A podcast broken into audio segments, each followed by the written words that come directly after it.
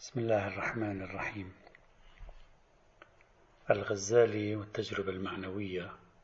تحدثت في القسم الأول من هذا الموضوع عن تجربة الغزالي كما نقلها لنا هو في كتاب المنقذ من الضلال. طبعا يوجد الكثير حول هذه التجربة. نقل في متفرقات كلمات العلماء وعلماء التراجم أيضا في فترات زمنية مختلفة. لا يهمني هنا. ما أريده هنا الآن أن أدرس ما الذي يمكنني أن أستفيد من تجربة شخص بهذا المستوى من العلم وبهذا المستوى من النفوذ وبهذا المستوى من القرب من السلطة بأعلى درجاتها كيف حدث معه هذا التحول؟ ما الذي يمكنني أن أستفيد منه؟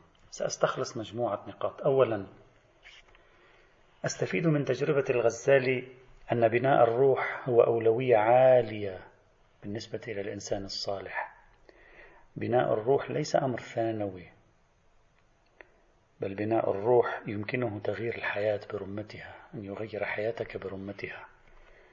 ليس عند فراغ الوقت أعمل على بناء روحي.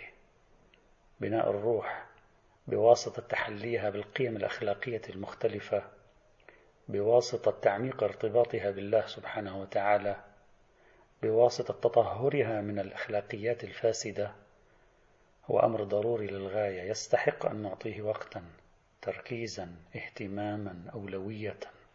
وهذا الرجل غير حياته خرج من سلطة عليا وكبرى إلى مكان آخر إلى حياة أخرى.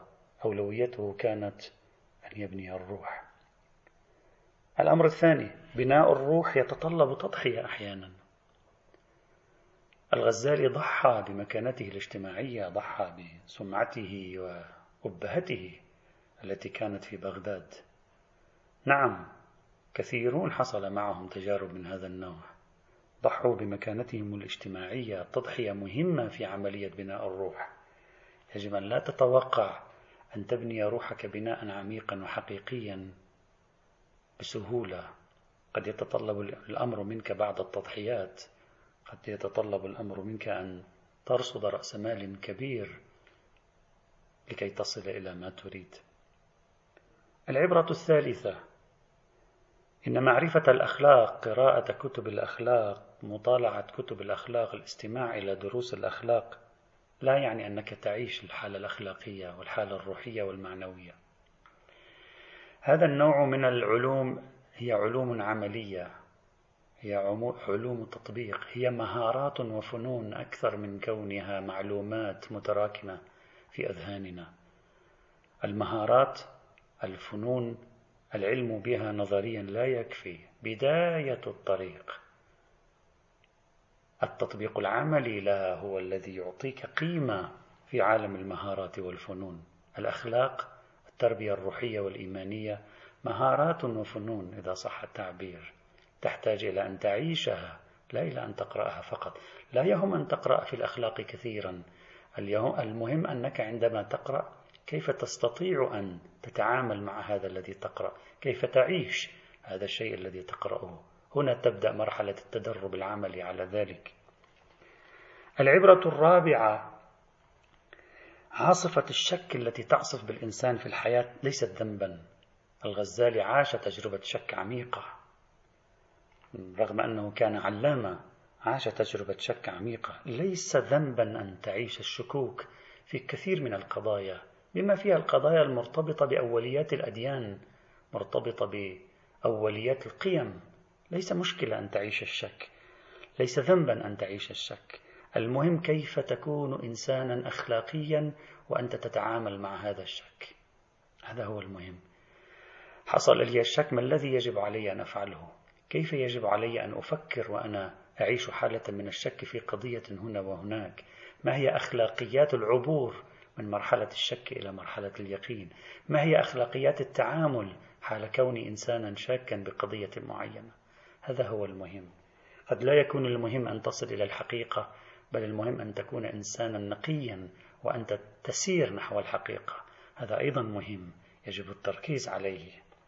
النقطة الأخيرة هنا العلم حتى لو كان علما دينيا حتى لو كان علوم الأخلاق حتى لو كانت علوما تخدم البشر العلم قد يكون حجابا بمعنى أنه قد يؤدي إلى تضخم الأنا عندك. الجاه أيضا يؤدي إلى تضخم الأنا المال يؤدي إلى تضخم الأنا أشياء كثيرة. لكن من أسوأ الأشياء أن يؤدي العلم الذي هو في حد نفسه مكرمة أن يؤدي إلى أن تتضخم الأنا. هنا لابد أن تواجه هذه الأنا المتضخمة. تكسرها. تكسر هذه الأنا المتضخمة. كلما زدت علما ينبغي أن تعيش المزيد من الانكسار. لهذا العلماء الحقيقيون هم أولئك الذين كلما تعلموا شعروا أكثر بجهلهم. هذا هو العلم الحقيقي. لأن حقيقة المعرفة الإنسانية هكذا. لأن حقيقة العقل الإنساني والفكر الإنساني هكذا.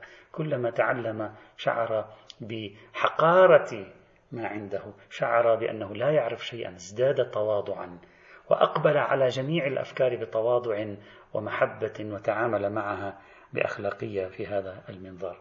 هذه خمس نقاط أحببت أن أستفيدها إجمالا من تجربة شخص عاش يعني عزيزا صاحب جاه في بغداد لكنه أصر على أن يخوض تجربة تكسر كل وضعه السابق. ليعيش مرحلة أكثر طمأنينة في قلبه. هذا هو معنى التصالح مع الذات وهذا هو معنى السلام الداخلي. والحمد لله رب العالمين.